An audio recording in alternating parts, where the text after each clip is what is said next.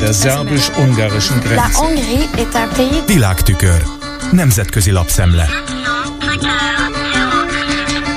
Köszöntöm a hallgatókat. A tapasztalatok azt mutatják, az amerikaiak nagy mértékben hajlandóak támogatni, ha az Egyesült Államok bekapcsolódik külföldi konfliktusba, feltéve, ha nincsenek tömeges amerikai veszteségek, és ezt nem ismerik fel a Biden kormányzat Ukrajna politikájának a bírálói, írja Leon Hadar politikai elemző, a konzervatív Kátó intézet korábbi kutatója, a Jerusalem Post volt ENSZ tudósítója, a The National Interest, vagyis a Nemzeti Érdek című amerikai portálon megjelent vitacikkében. Akikkel most vitába száll azok, akik szerint az amerikai közvélemény el fog fordulni Amerika ukrajnai elköteleződésétől. Konkrétan a Benjamin Schwartz és Christopher Lane tollából a Harper's magazinban megjelent eszére utal, amelynek címe Miért vagyunk ott Ukrajnában, egyfajta analógiát sejtett a kudarcos vietnámi háborúval, mert Johnson elnök Miért vagyunk ott Vietnámban mottójú 1968-as beszédét idézi fel. A Harpers szerző párosa szerint Washington tudatosan folytat korán sem hideg, hanem kifejezetten forró háborút Ukrajnában. És ez ugyan úgynevezett proxy háború, vagyis Amerika mint egy az őt képviselőkön keresztül vívja, mégis ez a legintenzívebb tartós katonai gubanc az Egyesült Államok és Oroszország versengésének csak nem nyolc évtizedes történetében. Washington veszteségeket okoz az oroszoknak, és ennek nyomán közelebb kerül a Moszkvával való közvetlen konfliktus eshetősége, állítja Schwarz és Lane.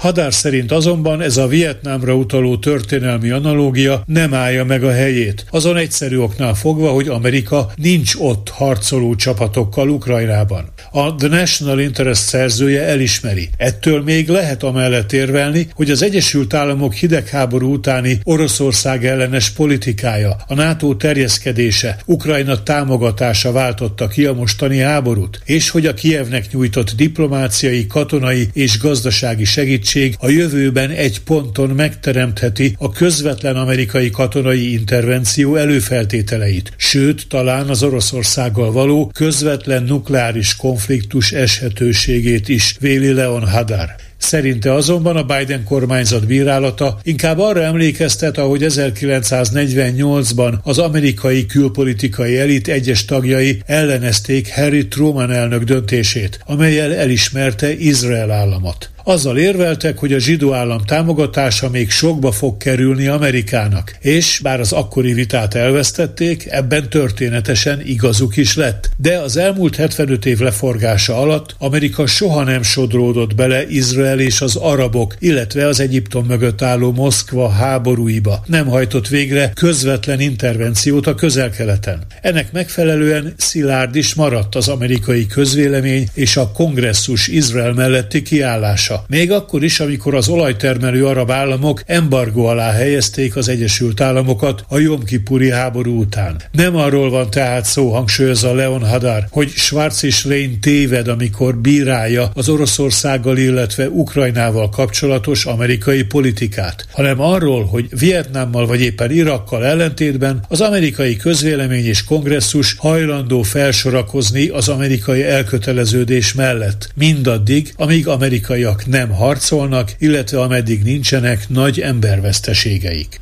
A családpolitika lesz az egyik prioritása az egy év múlva félesztendőre hivatalba lépő magyar EU elnökségnek, írja az Euraktív Brüsszeli Uniós hírportál, és megjegyzi, a magyar elnökségre közvetlenül az európai parlamenti választások után kerül sor, és azokban a hónapokban rendszerint lanyha az uniós jogalkotás, vagyis az időszak alkalmas arra, hogy az elnökség előtérbe állítson máskor valószínűleg kevesebb figyelemre számot tartó témákat. A magyar elnökség és az azt megelőző spanyol, illetve belga elnökség együttesen úgynevezett elnökségi triót alkot, és ennek a triónak a közös stratégiai dokumentuma szintén hangsúlyozza a demográfiai kihívások, vagyis az alacsony európai népszaporulat fontosságát, amivel, hangsúlyozza a cikk, úgy kell foglalkozni, hogy erősítsék Európa szociális dimenzióját, hatékonyan érvényesítsék az európai szociális jogokat. Az alacsony népszaporulatra, a munkaerő szűkös voltára, írja az Euraktív, vagy a bevándorlás növelése, vagy a népszaporulat javításának családpolitikai eszközökkel történő ösztönzése lehet a válasz. Utóbbit inkább az olyan jobboldali erők hangsúlyozzák, mint amilyen például a Fidesz.